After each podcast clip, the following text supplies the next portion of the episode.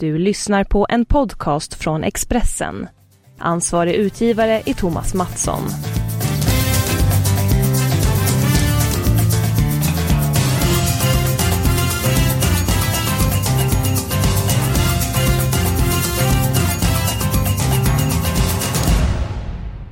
Kylan eh, har kommit ett grepp om eh, Sverige. Det är verkligen kallt för dagen eh, och ett lag som också är ganska kallt för dagen. Det är Chelsea. Hur mår fjolårets mästare i Premier League egentligen, Magnus? Nej, det verkar inte stå helt rätt till i Chelsea. Det känns som att energin håller på att rinna ur där. Du var ju tidigt inne på det. Nämnde för ett par veckor sedan att Conte, alltså managern i Chelsea, att spelarna är trötta eh, på honom och som som ser ut mot Watford i veckan så är de ju verkligen eh, trötta på sin boss. Ja, det ser faktiskt eh, ut så. Och sen ska man veta historiskt sett också så det tredje året det är väldigt tufft för manager i Chelsea.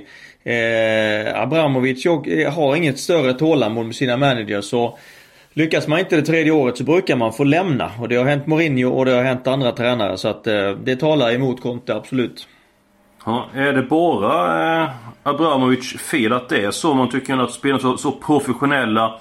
Eh, vissa lag både sin tränare i ur och skur. Är det inte spelarna som levererar oavsett vilken chef man har? Jo, det kan man ju, det kan man ju tycka. Men det är klart att det, det är ändå det är ändå den här energin som ska till och för att få ut maximalt av prestationerna och det är, det, den finns inte för dagen i, i Chelsea. Och det är säkert så att spelarna är lite trötta på Conte och även Abramovic lite trött på Conte. Så jag tror att han är mm, pressad från båda håll nu. Ja, och målvakten då, stjärnmålvakten eh, Courtois. Eh, Courtois. Han säger att han eh, längtar till Madrid där han har sitt hjärta och sina barn i den staden. Så att Nej, jag är lite grann osäker på Chelsea. Jag är inte eh, säker på att de kommer eh, bland de fem bästa i serien. Jag tror absolut inte de kommer bland de fyra bästa. Och skulle de bli sexa och sämre så blir det inget Champions League-spel eh, till, till hösten. På tal om Champions League. Barcelona väntar med en stund för Chelsea. Vad talar för att Chelsea överlever den fighten? Det är möjligtvis då att man kan få energi genom att skifta fokus från eh från ligan, eh, ligalunken till, eh, till Champions League. Där tänder alla spelare till oavsett situation. Så det är väl det som kan tala för Chelsea. Men Barcelona är allt för bra för Chelsea. Så jag ser inte hur Chelsea ska kunna störa Barcelona över, eh, över två matcher. Nej, jag håller med dig. Det eh, måste vara toppchans för Barcelona. Jag tycker att vi börjar, eh, eller vi går på spiken redan den här, eh, vid den här tidpunkten. Eh, match nummer ett. Manchester City mot Leicester. City har en hel del skador. Var inte ordinarie. Eh, senast man hade till och med en plats ledig på bänken. Eh, Pep Guardiola tog inte in någon spelare där, märkligt nog. Hur som helst, David Silva är förmodligen tillbaka. Leicester har också en del problem inom laget och jag tror inte att Manchester City tappar pengar i den här matchen. Nu tappar man poäng mot Burnley senast. Väldigt hårt betrodd detta, men det finns inte på eller i min värld att de tappar poäng. Din syn då Magnus? Ja det är väl just därför egentligen att man tappade poäng mot Burnley. Var ju helt överlägset mot Burnley också men tappade poäng. Jag tror det ger den här lilla extra taggen och revanschkänslan som gör att man, att man eh, hanterar Leicester ganska bekvämt hemma. Det var vi överens om den spiken. Eh, de andra spikarna eh, som jag har hittat, de hämtar från The Championship. Eh, matchen match 11, Middlesbrough mot Reading. Middlesbrough är märkligt nog mållös i de tre senaste matcherna. Fick en spelare utvisad efter en halvtimme senast. Det fördärvade möjligheterna, eller åtminstone minskade möjligheterna till mål och poäng möter man Reading. Reading som endast har en seger i serien de senaste två månaderna och det kom mot jumbon Burton Albion. Jag tror att Reading åker till nordöstra England och gör det förgäves. Sen spikar jag även match nummer 13. Wolverhampton Queens Park Rangers. Wolves i en klass för sig. Eh, QPR ska inte räcka till. Så att... Där är mina eh, avslutande spikar. Vad har du för kommentar? Ja, Wolves känns ju helt given. Sen, sen ska man ha respekt för att eh, vändningen kommer förr eller senare för Reading. Så att jag är inte helt säker på att, att Middlesbrough bör lämnas ogarderade. Mm, vi får se lite grann vilken storlek på plånboken man har. Jag stark känsla för Middlesbrough. En fråga här ifrån Nils Andersson i Östersund. Eh, du var i England i höstas. Eh, du har berättat att du såg väldigt många lag. Hur har utvecklingen gått hos dem, hos dem lagen? Vilka ser bra ut? Vilka ser svaga ut? Ja, det var väl en 5-6 lag, eller var det till och med 7-8 lag du såg i Premier League när du var över på besök? Ja, det var ganska många. Jag började ju se Tottenham mot Real Madrid. De, de gjorde sin bästa match, eh, kanske i eh, klubbens historia. Så fantastiska ut då. Hade ju något svacka efter det, men jag tyckte att de såg eh, gjorde en stark match mot Liverpool där senast och, och har bra form. Jag tror de passerar Chelsea och kniper eh, en, eh, en Champions League-plats. Jag tycker att det ser, ser bra ut för dem. Eh, jag såg Arsenal, eh, då mot Röda Stjärnan. Eh, det var ganska intetsägande tempofattigt då. Det har väl inte blivit så mycket bättre. Däremot så blev det ju ett tillskott med, med de med, med nyförvärvet på Aubameyang som man tog in eh, i transferfönstret. Det blev en, en skjuts och en kick för Arsenal. Så att det är väl ändå kanske något lite större plustecken denna veckan än vad vi tyckte för en och två veckor sedan. Svårt att komma rätt på Arsenal. Eh, underpresterar borta, levererar hemma. 13 matcher på hemmaplan, 10 vinster, 2 stycken kryss. På bortaplan var det blivit 3 stycken vinster av 13 möjliga och det håller ju inte för att man ska vara ett, ett, eh, ett topplag. Nu har det blivit några lag som tycker sett bra ut. Vilka ser dåliga ut då? Ja, men jag får då säga att eh, jag, jag är... Jag tycker West Ham, de blandar och ger för mycket. Jag är, jag är besviken på West Ham eh, i år. De såg inte bra ut när jag såg dem. Då var de ju helt under isen självförtroendemässigt. Jag såg West Ham mot Liverpool. Och eh, jag tycker fortsatt att de är, att de är eh, allt för ojämna. Borde hitta en större en större jämnhet. Däremot Liverpool ser ju ut som de gjorde när jag såg dem mot West Ham. Jag har sett Liverpool jättemånga gånger den här säsongen. Det är ju mm. aggressivt försvarsspel. Ett rappt omställningsspel. Mycket energi i laget. Så att... eh, sen såg jag Crystal Palace också. Och eh, då hade de i princip inga poäng alls. Eh, men jag hade känslan när jag såg dem att det här, de kommer klättra. De är, har en bra organisation och rätt så vassa yttermittfältare och forwards som kan göra det. Så att eh, det har väl blivit ungefär som jag trodde vad det gäller Crystal Palace. Ja, de har ju verkligen levererat efter den usla inledningen. Inte ett enda mål på de sju första matcherna. Det är helt otroligt. Vad, vad det egentligen som hände med, med Crystal Palace i början av säsongen var var ju att eh, det var Frank de Boer som tränade dem eh, i början. De spelade en alldeles för svår fotboll. Man hade alltså en alldeles för hög svårighetsgrad i sitt anfallsspel vilket gjorde att man tappade boll och släppte in många mål. Man tog sig helt enkelt vatten över huvudet. Spände bågen. Varför ändrade han inte på det då? När han märkte att det här går ju inte. Stolt holländare som vill spela i det sättet som han har blivit lärd hur fotboll ska spelas. Sen kommer Roy Hodgson in och låter Crystal Palace vara Crystal Palace. Och bygga det runt ett organiserat försvarsspel och lite omställningar och av och till också ett okej etablerat spel. Men så Roys intåg där var ju helt nödvändigt och väldigt lämpligt också. Stolt holländare säger du. Är det så att eh, holländska tränare är lite grann annorlunda, lite grann udda jämfört med andra sorters eh, managers? Ja, man kan säga att eh, de har ju ett väldigt självförtroende och, och eh, holländska manager brukar ju ha uppfattningen att de att det var liksom i Holland som bollen uppfanns. Ja, de har gott om självförtroende, eller åtminstone ger de sken av det när de eh, intervjuas och eh, visst finns det mycket kunskap eh, hos många holländska eh, spelare. Helgarderingarna. Match nummer två, Everton Crystal Palace. Eh, Everton åkte ju på en käftsmäll eh, av Arsenal senast. Crystal Palace har kanske inte den här glimrande formen som de hade tidigare. Men kan få med sig poäng i den här matchen. Swansea har ju verkligen sett till under Carlos Carvajal. Eh, tog ett snygga skalper. Möter Burnley som har fantastiskt facit mot eh, topplag. Det gäller att även leverera på lag från nederdelen av tabellen, vilket jag tror man gör. Sen chansar jag lite grann med Nottingham, Hall och helgardera den matchen. Du vinner på det senast. Nottingham har väldigt många nyförvärv i truppen. Fått in eh, åtta spelare, tappat sex. Brukar behöva tid på sig. Och hur gick det då för Nottingham i helgen? Jo, det blev förlust borta mot eh, Fulham. Om vi börjar där i den matchen. Vad har du för känsla för Nottingham, Magnus?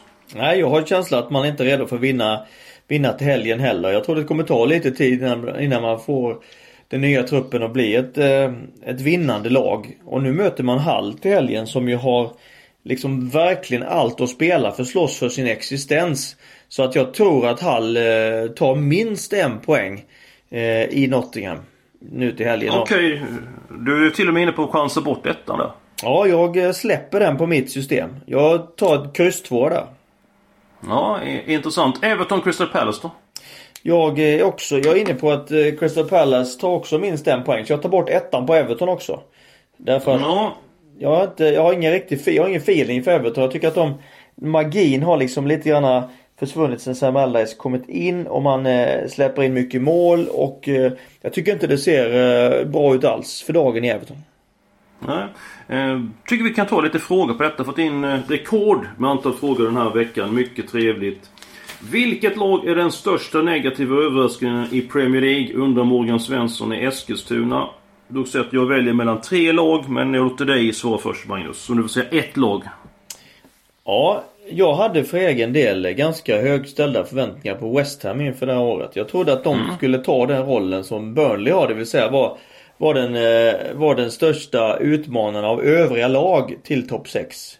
Eh, mm. Och liksom kanske lägga beslag på sjunde platsen kanske till och med hota lite mer. Men de har varit eh, allt för mycket upp och ner. Eh, Slaven Bilic fick gå tidigt. Eh, de fick ordning, ordning på det ett tag med Mois men har fortsatt att blanda och ge. Jag är, även om det kanske går i rätt riktning så är jag som helhet besviken på West Ham. Mm, mm. Nej, jag håller med dig.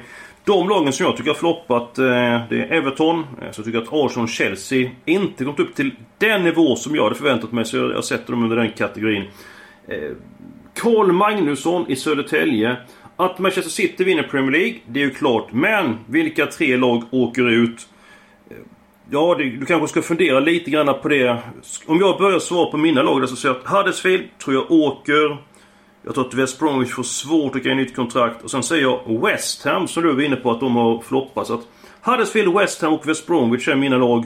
Vill du fundera lite grann på den frågan Magnus och vi går vidare eller vill du svara på den redan nu? Jag behöver inte fundera på den utan jag, har, jag håller med dig vad det gäller West Bromwich och Huddersfield. Eh, men jag har en riktig stänkare där. Jag säger att eh, det blir Everton. Oj då! Eh, från tionde plats och, eh, men kommer sluta på 18 plats är mitt tips för att jag tycker att det ser eh, som jag var inne på tidigare, den kraften och energin som blev när Allardyce kom in. Eh, den har försvunnit. Eh, då, hade man, då tog man poäng för att man var välorganiserade bakåt. Och nu har man liksom tappat det också. Släpper in massor av mål helt iskalla på bortaplan. Jag tror att man kan få det mycket, mycket tufft. Och en sak till Eskil. Den mentala faktorn. De tror inte att de kan åka ur. Men vips så kan de vara involverade i bottenstriden. Och då är det, kan det vara väldigt svårt att hantera det. Till skillnad från de andra lagen som har stridit i botten hela året, som är vana vid den situationen.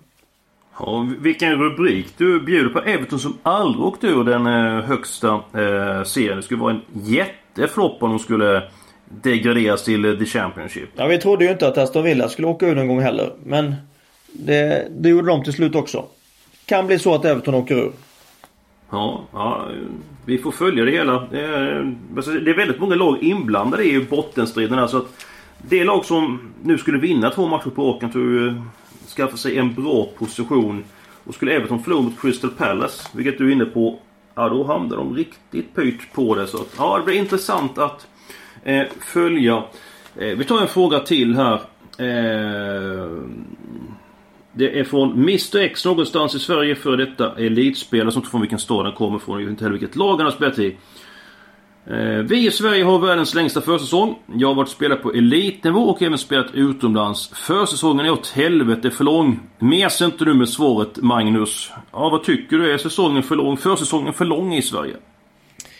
Nej det är det inte. Jag tycker att den här frågan är en, en eh, uråldrad eh, fråga. Därför att för en 5 till 10 år sedan diskuterade vi det här mycket. Och kunde på många sätt också hålla med om att då hade vi en lång försäsong. Därför att då hade vi ganska dåliga faciliteter att träna fotboll på på vintern. Vi hade inte Svenska Kuppen. Det blev mycket fysträning och vi höll på i fyra månader.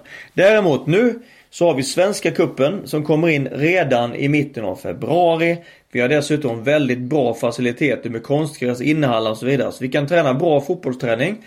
Och vi får tävlingsmatcher tidigt. Så försäsongen är nu ungefär lika lång som den är eh, internationellt på, kontinenten. Så, så eh, för mig är det en icke-fråga. Ja, vad, har han, eh, hade han haft rätt med det här påståendet för en eh, 10-15 år sedan?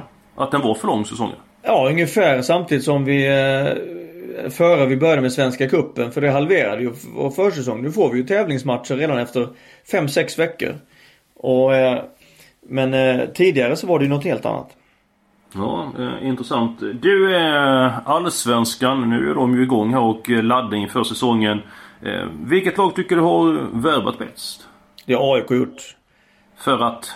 De har värvat in några riktigt intressanta spelare. Joel Ekstrand som kommer, kommer ge den här, eh, de tre mittbackarna ytterligare Ytterligare en nivå vad det gäller att uppspelsfot. Ado kommer in som balansspelare vilket gör att man skickar upp Kristoffer Olsson ett halvt steg. Eh, och blir offensiv innermittfältare istället vilket ju passar han alldeles utmärkt så han får ut sina egenskaper. Man har varvat Tarek Elionossi som jag har sett mycket i Norge. Eh, när jag var tränare i Lilleström som är en väldigt vass spelare. Kan både vara forward och offensiv innermittfältare. Yassin slog ju till ordentligt i Häcken. Kommer nu tillbaka till AIK. Kan också spela som en av de två offensiva innermittfältsrollerna. Och det kan också Stefan Silva göra. Som ju också kan vara forward men också offensiv mittfältare. Som de har byggt på sin offensiv på ett eh, mycket intressant sätt. Och jag tror nu att de på allvar utmanar Malmö. Okej, okay, du nämnde en handfull spelare, starka förvärv. Om jag tvingar dig nu att säga vilket lag vinner Allsvenskan 2018? Då svarar du. AIK. Ska vi också följa upp eh, under säsongen. Everton åker ut och AIK vinner SM-guld. Det är hög tid att vi tar garderingarna den här veckan. Det är jackpot på eh, Stryktipset. Match nummer tre, Stoke-Brighton. Eh, Stokes första förlust under Paul Lambert kom senast borta mot Bournemouth. Brighton har äntligen fått igång målskyttet. Eh, har varit väldigt uddlöst eh, länge. Besegrade ett sargat West Ham senast. Jag tror det blir en ganska tight tillställning. Helst vill jag ha alla tecken i matchen men jag har bara råd med ett kryss. Två stycken matcher i Championship eh, som garderas. Match om 6 Bolton Fulham. Fulham som är enormt formstarkt. Men ett vilt kämpande Bolton kan kriga till sig ett kryss hemma. Och match nummer 9 Derby Norwich. Derby ligger just nu eh, två i tabellen. Wolverhampton som leder The Championship överlägset. Norwich, eh, precis som Nottingham, haft en del omsättning av spelare men kanske kan få med sig kryss. Är det någon av de här matcherna som du håller med eller sågar du något av mitt, förslag? Jag tycker framförallt att när man tippar, nu, nu går vi in i den sista tredjedelen av säsongen. Och då ska man verkligen ta med vilka lag som, som har mest att spela för. Brukar ta de, eh, de, de flesta segrarna här på, på slutet. Man, man bör så titta noga vilka är involverade i bottenstriden. Vilka spelar med kniven på strupen. Det, där brukar man kunna finna en, eh, en hel del eh, segrar. Så att eh, obs på det. Det är kanske så att du vill ha ett från någon av de här matcherna och ta bort krysset helt enkelt. Ja, det kan mycket väl vara så. Eh, man ska absolut betänka att, att lagen med högst motivation har störst chans att vinna i det här läget. Absolut. Eh, tusen tack för då Magnus. Många intressanta synpunkter. Vi kommer följa upp dina tips. Eh, nästa vecka är vi tillbaka med en ny podd av Avspark. Fram till dess så får ni ha det allra bäst.